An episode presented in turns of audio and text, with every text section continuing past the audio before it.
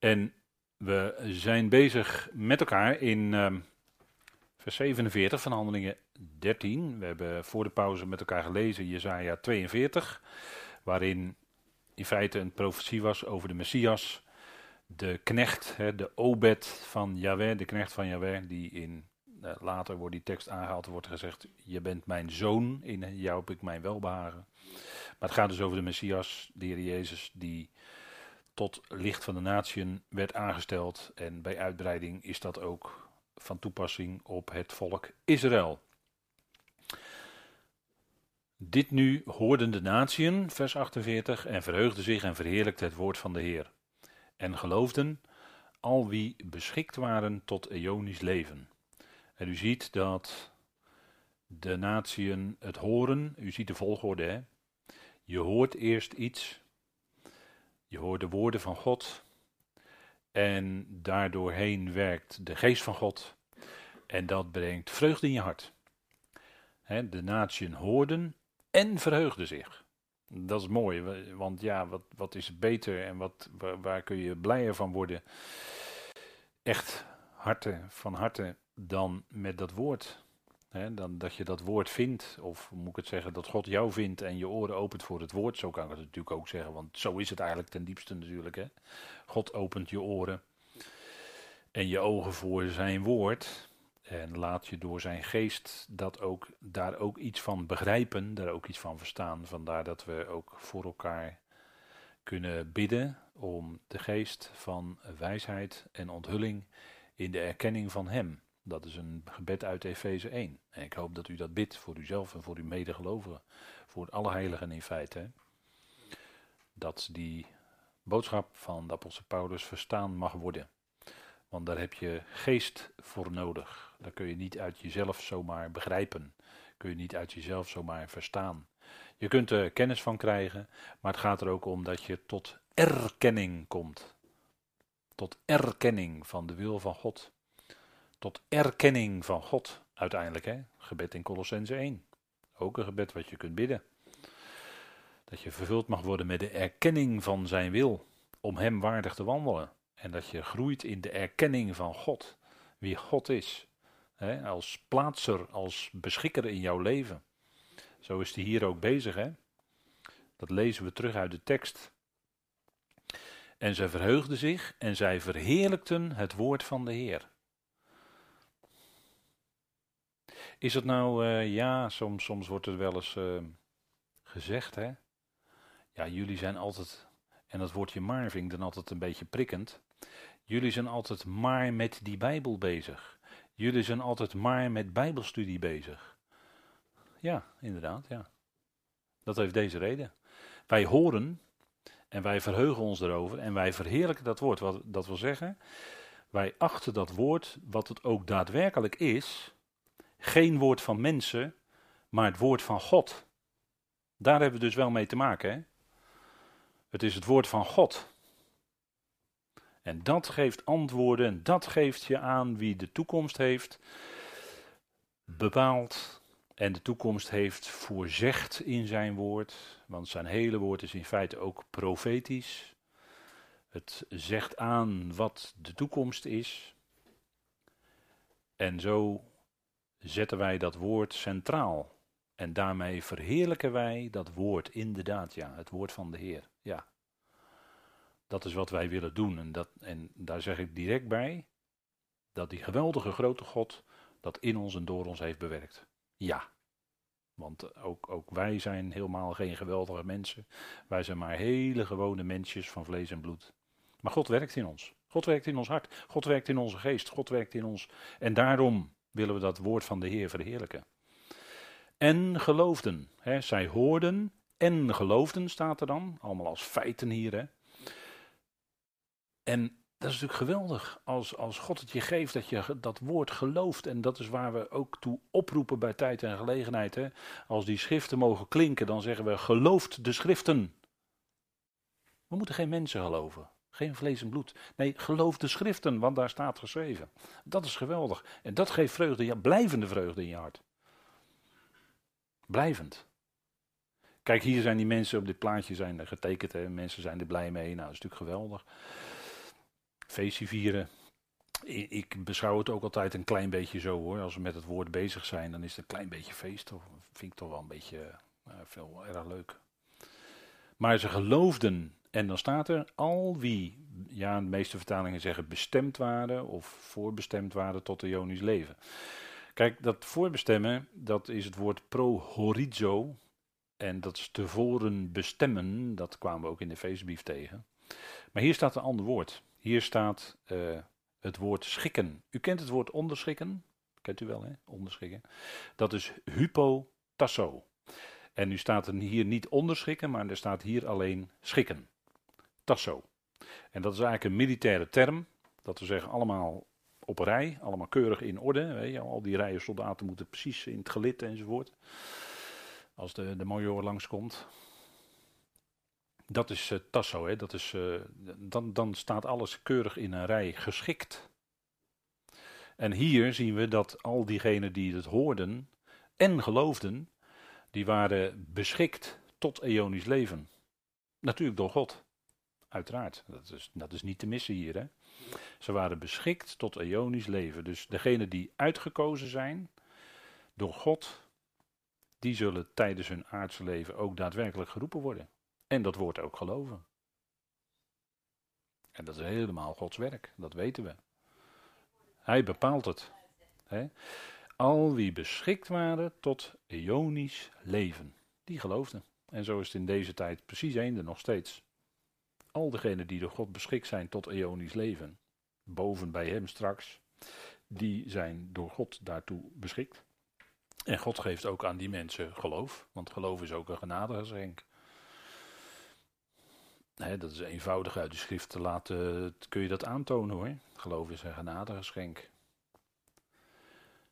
En, en dat, dat uh, is natuurlijk helemaal niet. Uh, ja, dan krijg je altijd weer die discussies. Uh, nou ja, discussies, gesprekken over passief en actief en zo. En, maar kijk, dat woord dat klinkt. God zorgt ervoor dat het woord klinkt. En dat woord zou gehoord worden. Daarvoor gaat het uit. En het wordt ook gehoord. En God beschikt. En, en dat is voor mensen altijd moeilijk, want wij willen altijd, uh, als, als mensen willen wij graag altijd uh, activistisch bezig zijn. Hè, van uh, doen en zo. Maar besef wel dat, dat wat jij kunt doen, dat het ook genadegeschenk van God is. Hè, dat is altijd, ja. Al wie beschikt waren tot de Jonisch leven, tasso staat daar. Dat is toch wel mooi, zo'n woord vind ik. God is de grote beschikker. God is de grote onderschikker. Hè? Vanuit, uh, en dat is, dat is wat hier gebeurt. Het woord van de Curios gaat het hier wel om. Hè? Het woord van de Heer, dat de Curios. Dat is degene die het bepaalt. Dat is degene die het voor het zeggen heeft. Hij is ook de Heer van ons leven. We leren hem kennen als redder, uh, maar ook als Heer. Hij heeft het ook als Heer, als Curios, heeft hij dan ook voor ons voor zeggen in ons leven. En zegt u, ja, wat u wilt is goed. En wat u wilt, als u dat bedoelt dat dat gaat doen, dan ga ik dat doen. Ja. Ionisch leven, zou ik bijna willen zeggen, met een hoofdletter. Hè? Want dat is natuurlijk wat we al ontvangen hebben in Christus. Dat is ook een genadegeschenk trouwens, Ionisch leven. Dat is ook een genadegeschenk, hè? eind van Romeinen 6 wordt dat gezegd. Prachtig hoor. Leven, dat is wat het woord ook geeft. Hè? In het woord was leven, zegt Johannes 1. En het leven is het licht van de mensen. Dat is allemaal het woord. Hè, daar komt alles uit voort tenslotte. Hè? God die spreekt. Woord van God, even onderscheid maken.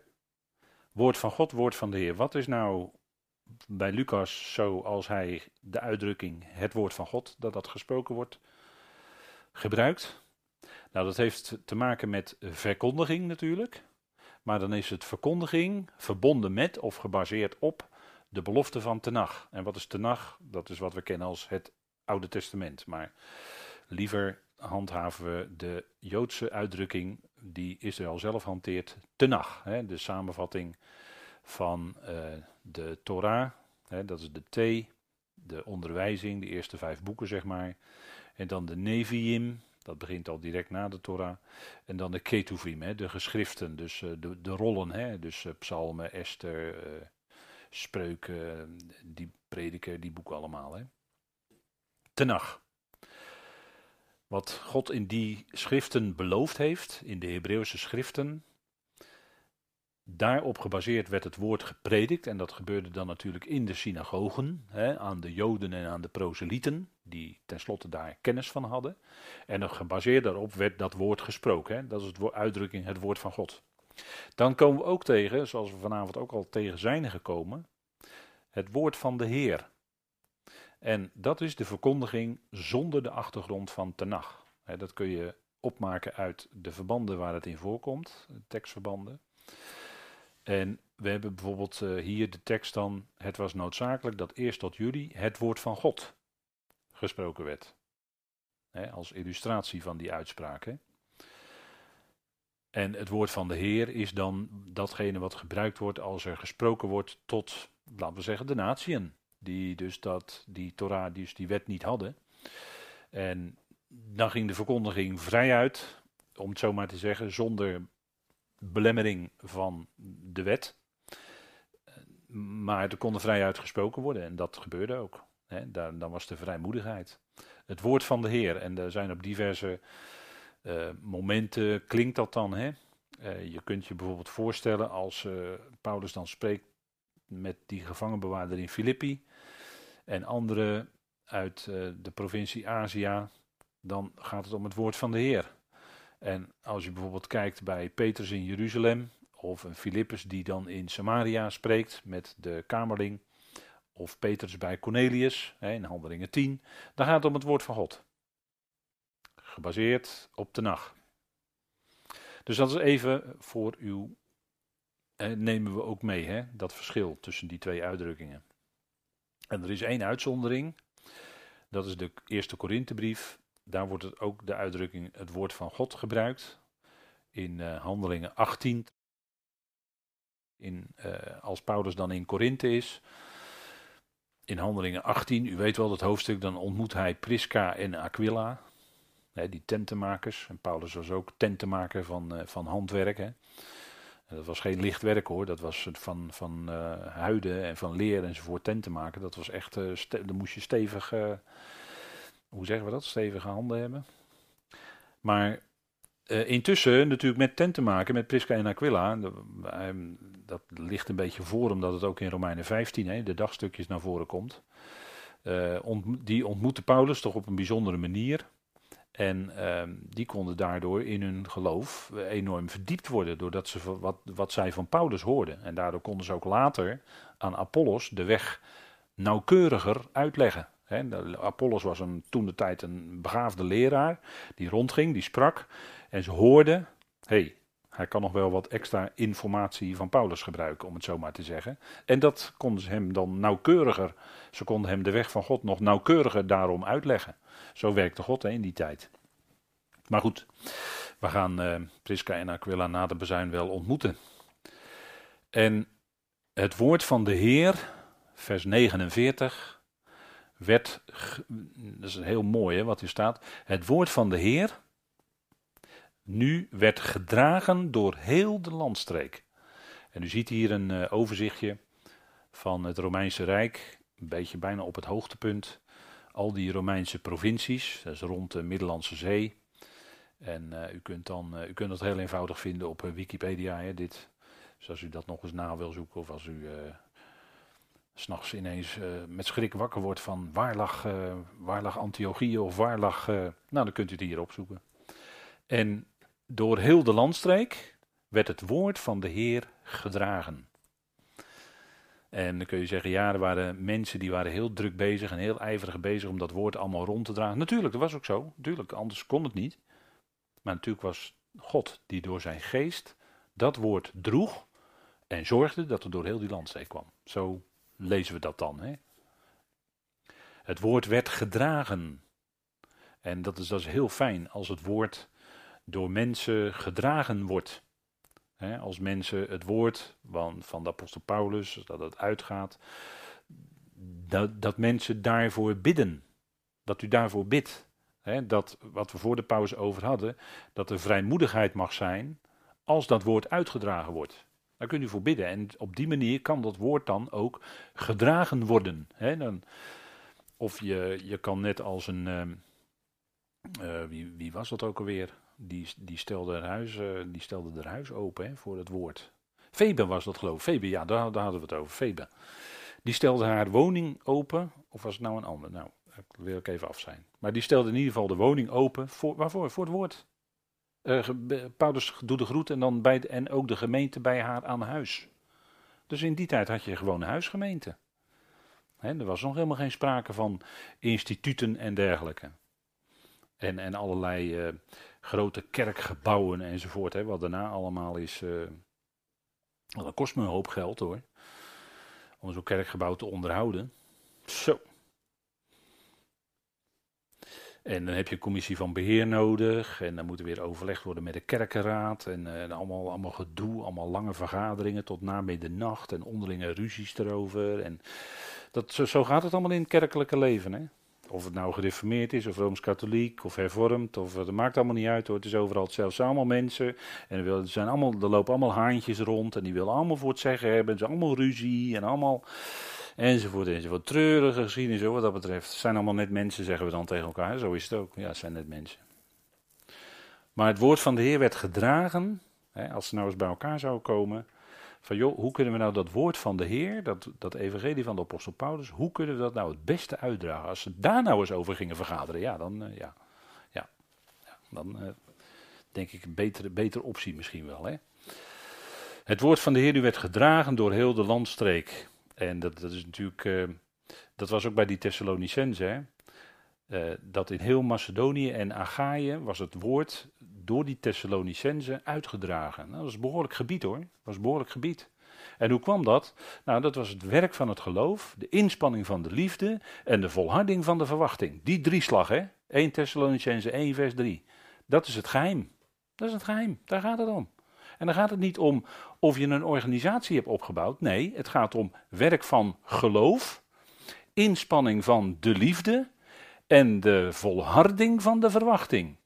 Daar gaat het om. En dan kun je een hoop mensen bereiken. Kennelijk. Zo ging bij de Thessalonicenzen in ieder geval. Hè, dat mogen we dan leren. Ze werden voorbeelden voor alle gelovigen in heel die omgeving. Nou, laten wij dan ook van die Thessalonicenzen leren, zou ik zeggen. Want er staat natuurlijk allemaal niet voor niks in die Bijbel. Hè? Gedragen door heel de landstreek. Wat? Het woord van de Heer, daar gaat het om. En dat is ook de Ecclesia, de, de uitgeroepenen, ook lokaal. Daar zou het hier om gaan. Dat het woord van de Heer rondgedragen wordt, dat het dat uitgaat. En hier zien we dus die streken, eh, Antiochië en Pisidië, Iconium, Lystra, Derbe, de bekende steden. En Tarsus was dan eh, de, de hoofdstad zeg maar, van, die, van die provincie daar, Cilicië. Tarsus waar, waar Paulus uh, opgegroeid was. Dat was de hoofdstad van die Romeinse provincie. En in die omgeving, die voor Paulus dus niet helemaal onbekend was, van jeugd af aan, uh, heeft hij dan ook dat woord gebracht.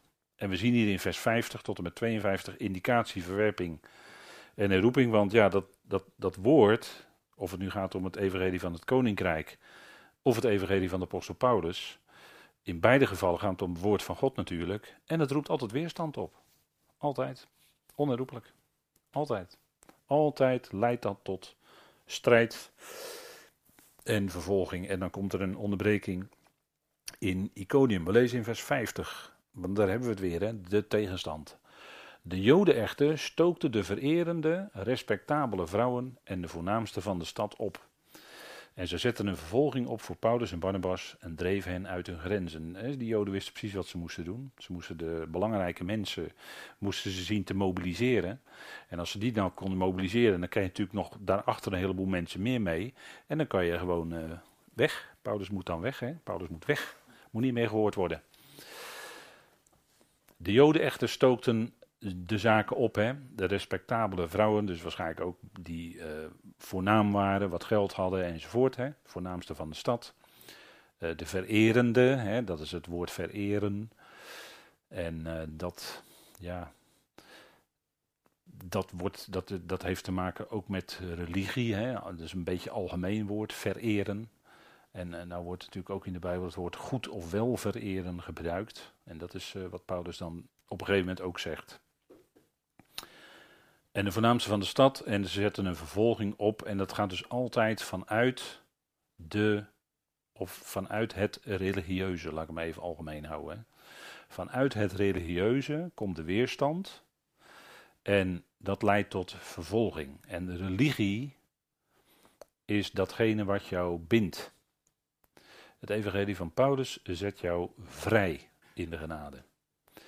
En zo is het altijd. Hè. Dit is het principe. Hè, als je dit zo leest, moet ik denken aan het principe uit de Galatenbrief van Sarah en Hagar. Weet u wel. Hagar is de gebondene, is in slavernij. En Paulus trekt dan die hele typologie door. Hè. En Sarai is de vrije. En het was toen al zo, de gebondene of degene die in slavernij was, die vervolgde de vrije. En dat zien we dus hier ook gebeuren. En dat is altijd zo. Degenen die gebonden zijn, degenen die religieus willen zijn, ook echte ware gelovigen, maar die willen ook soms religieus zijn, die vervolgen dan degene die in de vrijheid staan, in de genade, in Christus, die hun vrijheid in Christus kennen en in die vrijheid leven. Niet gebonden aan, aan religieuze voorschriften of wat dan ook. Niet gebonden aan het houden van dagen of uh, allerlei uh, voorschriften omtrent uh, voedsel en noem alles maar op. Hè. Dat zijn dan de twee hoofdpunten die Paulus dan in Romeinen 14 noemt. Allemaal, dat is allemaal niet aan de orde voor ons. We zijn helemaal vrij in Christus. We zijn voorbij aan al die grondregels, hè, die grondprincipes van de wereld.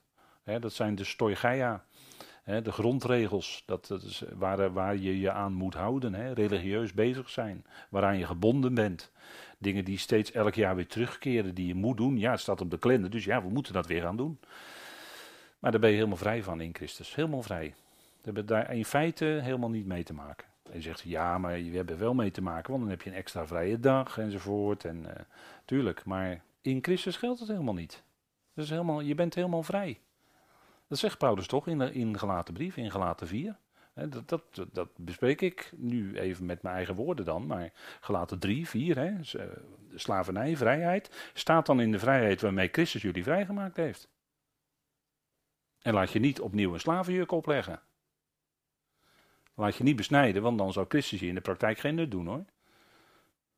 In de praktijk, hè?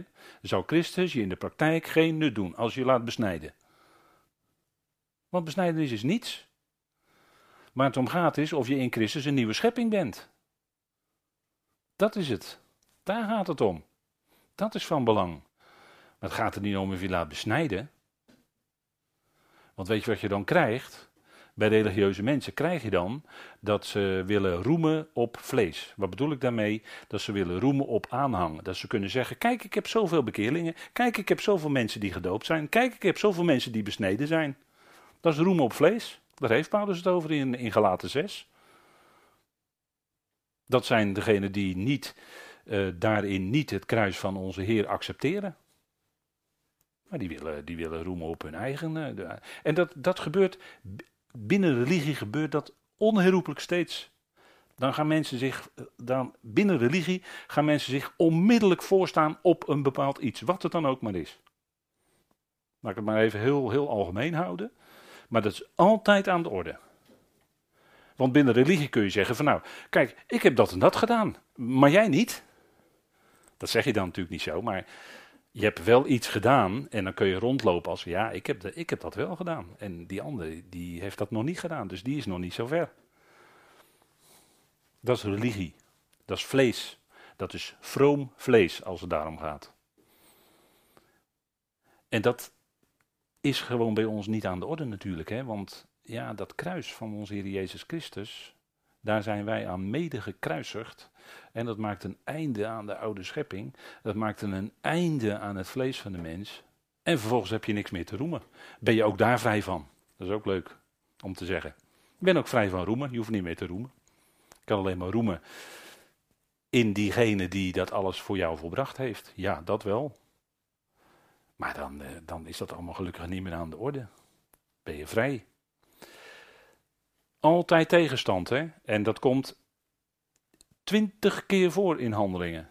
Twintig keer lezen we, die prediking gaat door. God is genadig hoor. De prediking gaat door. Dat is genade van God. En twintig keer lezen we in handelingen de weerstand op dat koninkrijksaanbod door Israël. En dan is het niet voor niks hoor dat Paulus in Romeinen 10 die uitspraak aanhaalt van Jezaja. Heel de dag heb ik mijn handen uitgestrekt naar een weerspannig en tegensprekend volk. En dan citeert hij Jezaja 65. Dat is de liefde van God. En dat zien we hier ook in de handelingen. Hè. Tot het einde van de handelingen, handelingen 28. En dan gaat die deur, om het zo maar te zeggen, naar het koninkrijk dicht. Niet definitief, want die deur zal binnenkort open gaan. Als wij weg zijn, gaat de deur naar het koninkrijk. De deur is nu nog dicht, maar dan gaat de deur naar het koninkrijk, aardse koninkrijk, weer open. Maar dat is als wij weg zijn. Maar we zien dus tot twintig keer toe. Dus dat is een lange periode, want handelingen beslaat ongeveer, verslag beslaat ongeveer, neemt men al algemeen aan, 40 jaar, het boek Handelingen. En in die tijd dus, totdat Paulus dan in Rome is en met de Joodse mensen daar spreekt en zij uh, bij hem weggaan en hij in zijn eigen gehuurde woning twee jaar lang ongehinderd spreekt de dingen van de Heer Jezus Christus en Koninkrijk van God zo eindigt handelingen dan. En dan is de deur naar dat koninkrijk dicht en worden ook de brieven van de voorkomenheid geschreven. Die dingen hebben natuurlijk met elkaar te maken. Maar hier zien we dus een uh, overzicht. En uh, nou, moet u maar eens, uh, hè, als u een regenachtige zaterdagmiddag heeft, dat is geloof ik komende zaterdag, dan kunt u misschien deze dingen eens even opzoeken. Hè? Of u moet stofzuigen, ja, ja, dat is weer wat anders. We, hebben een voorbereidende, we zien hier voorbereidende onderbreking, speciaal dienstwerk in Iconium en indicatie opnieuw van verwerping en terugroep van het koninkrijk. Dus je ziet hier op het kaartje welke route werd afgelegd. Men kwam nu in Iconium terecht. Iconium zij echter het stof van hun voeten tegen hen afkloppend kwamen in Iconium. En dat stof van de voeten afkloppen, dat had de Heer gezegd in zijn opdracht voor de prediking van het koninkrijk.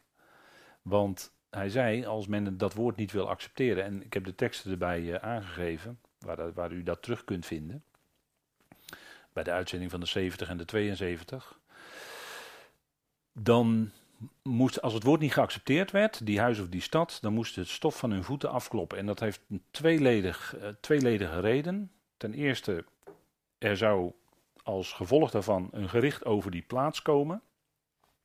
De Heer zei dat toch ook, hè? van die steden waar hij gepredikt had. Wee u, Gorazin, wee u, Bethsaida. Want indien in Sodom en Gomorra die woorden geklonken zouden hebben, ze zouden zich bekeerd hebben.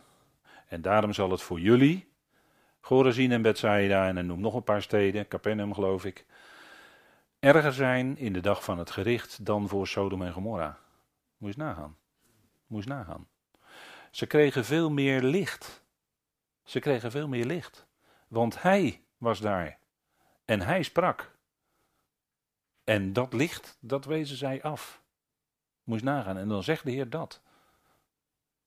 Dat, dat is ernstig hoor, dat is ernstig. En, en uh, kijk, Sodom en Gomorra, dat is een voorbeeldgericht. Hè, dat vinden we in uh, Genesis, maar dat is een voorbeeldgericht van hoe de Heer ook later die gerichten zal uitvoeren. En uiteindelijk komt dat natuurlijk over Babylon.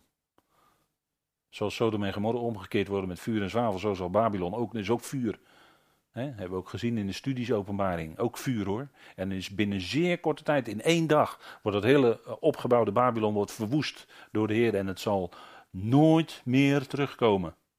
Heel nadrukkelijk is de schrift daar hoor. Het zal nooit meer terugkomen, Babylon. En, en dat geldt dus ook voor die plaatsen want als, eh, als de Heer had daar gesproken en hier werd dat woord van de Heer ook gesproken en hier werd dat woord afgewezen. Dus als je die lijn zou doortrekken, zou je kunnen zeggen, maar heel voorzichtig spreek ik dan daarover, want dat weten we natuurlijk niet, omdat er geen expliciete. Maar dan zou je kunnen zeggen dat het ook voor deze plaatsen in het gericht ernstiger zal zijn dan zelfs voor Sodom en Gomorra. Dat, dat is nogal wat, hè? Dat is nogal wat. En, en de Heer die bad tot vader op dat moment. Dat hij die dingen voor wijzen, vader hè, vader had die dingen voor wijzen en verstandigen verborgen gehouden. Dat beleed de Heer in dat gebed, hè, Matthäus 11. En hij had het aan kinderen onthuld. Degene die eenvoudig als een kind geloofden. Had hij het wel bekendgemaakt. Dat is het werk van God. Dat, dat erkende de Heer in zijn gebed. Hij sprak, werd afgewezen en de Heer wist dat het afgewezen zou worden, ja. Maar hij dankte de Vader zelfs voor zijn bediening. En zijn bediening had naar de menselijke maatstaven absoluut geen succes. Het werd afgewezen. Hij werd als koning afgewezen. En toch dankte hij vader dat hij deze dingen voor wijzen en verstandigen verborgen had, maar aan kinderen onthuld. Wie doet dat? God, de Vader. Kijk, wij, kunnen, wij kunnen God als mens niet zomaar narekenen hè, in alles wat hij doet. We kunnen wel veel informatie uit de schrift tot ons nemen en daaruit leren hoe God handelt. Maar tot in alle details hem narekenen, dat gaat niet hoor. Daar zijn we maar, dan zijn we weer hele kleine mensjes. En dan is er een hele grote God die het allemaal beschikt. En die het allemaal van tevoren heeft gepland. Dingen die je nooit had kunnen bedenken. Dingen die nooit in een mensenhart zouden kunnen opkomen. En God onthult ze door zijn geest. Daar mogen we dankbaar voor zijn. Zo kwamen in uh, Iconium. Iconium, dat is uh, vanuit het Griekse Iconion. En een icon, in, een icoon in het Grieks is een, is een beeld. Dus misschien is, dit, uh, is de naam Iconium daar wel van, heeft daarmee te maken. Dat wordt gedacht. En dan zou het, dat ion is dan een verkleiningsvorm en dan zou het gaan om een beeldje. Een beeldje, dat is dan de betekenis van de naam Iconium. Daar kwamen ze.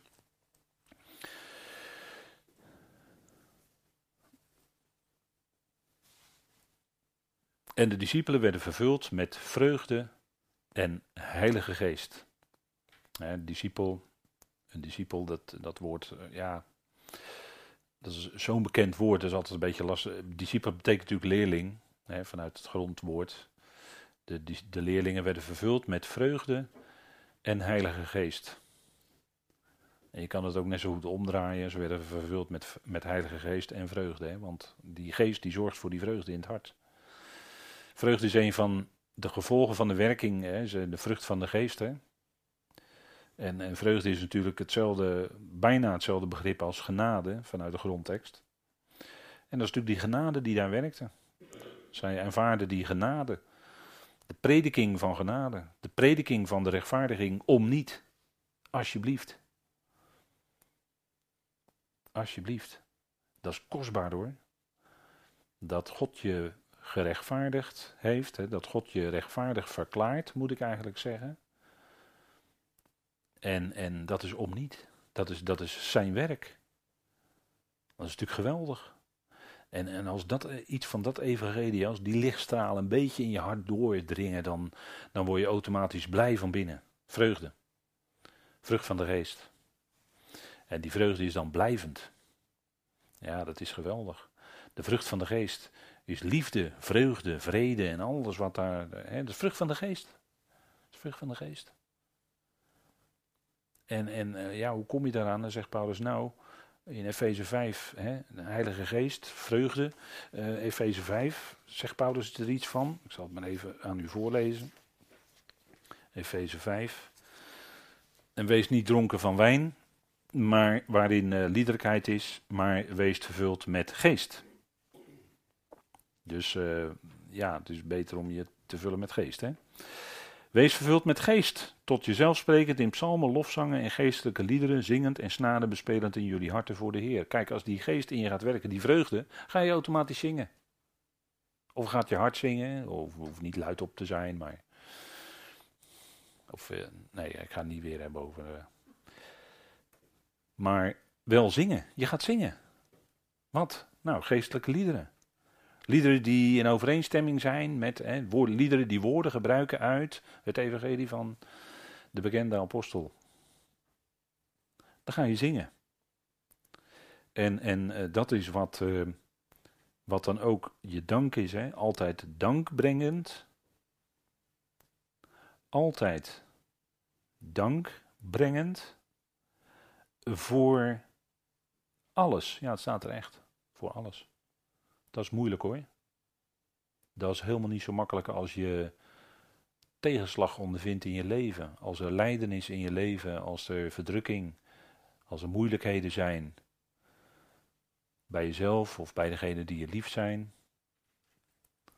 En dan staat hier toch altijd dankbrengend voor alles. Dat is niet zo eenvoudig. Kun je nu God danken voor de wijze waarop Hij het doet in het leven van degenen die jou lief zijn? Dat is een, dat is een vraag, hè? Dat is een vraag. En ik denk toch dat dat kan. Waarom? Omdat God de hele weg overziet met diegene of degene die jou lief zijn. En omdat de uitkomst is dat God diegene, dat ook de redder is van diegene. En ik denk je op die manier, als je er zo naar kijkt, dat je toch kunt danken.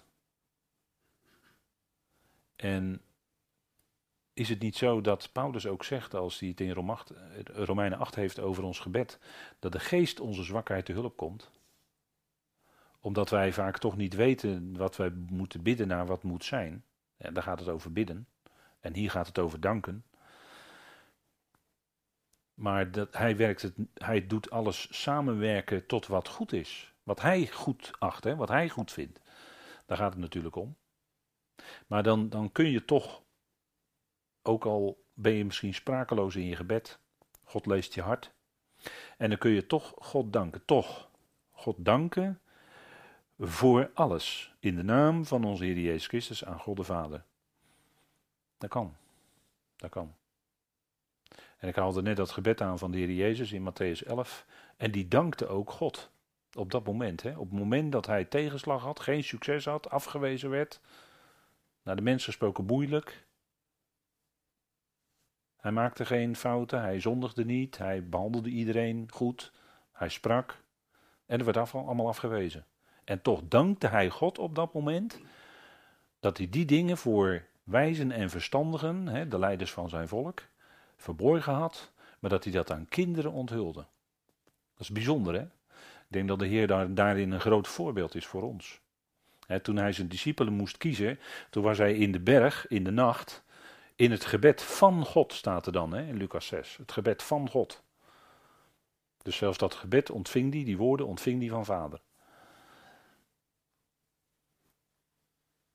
Ik, ik denk wel eens dat we soms Soms denk ik wel eens dat we misschien wat te weinig bidden. Denk ik wel eens.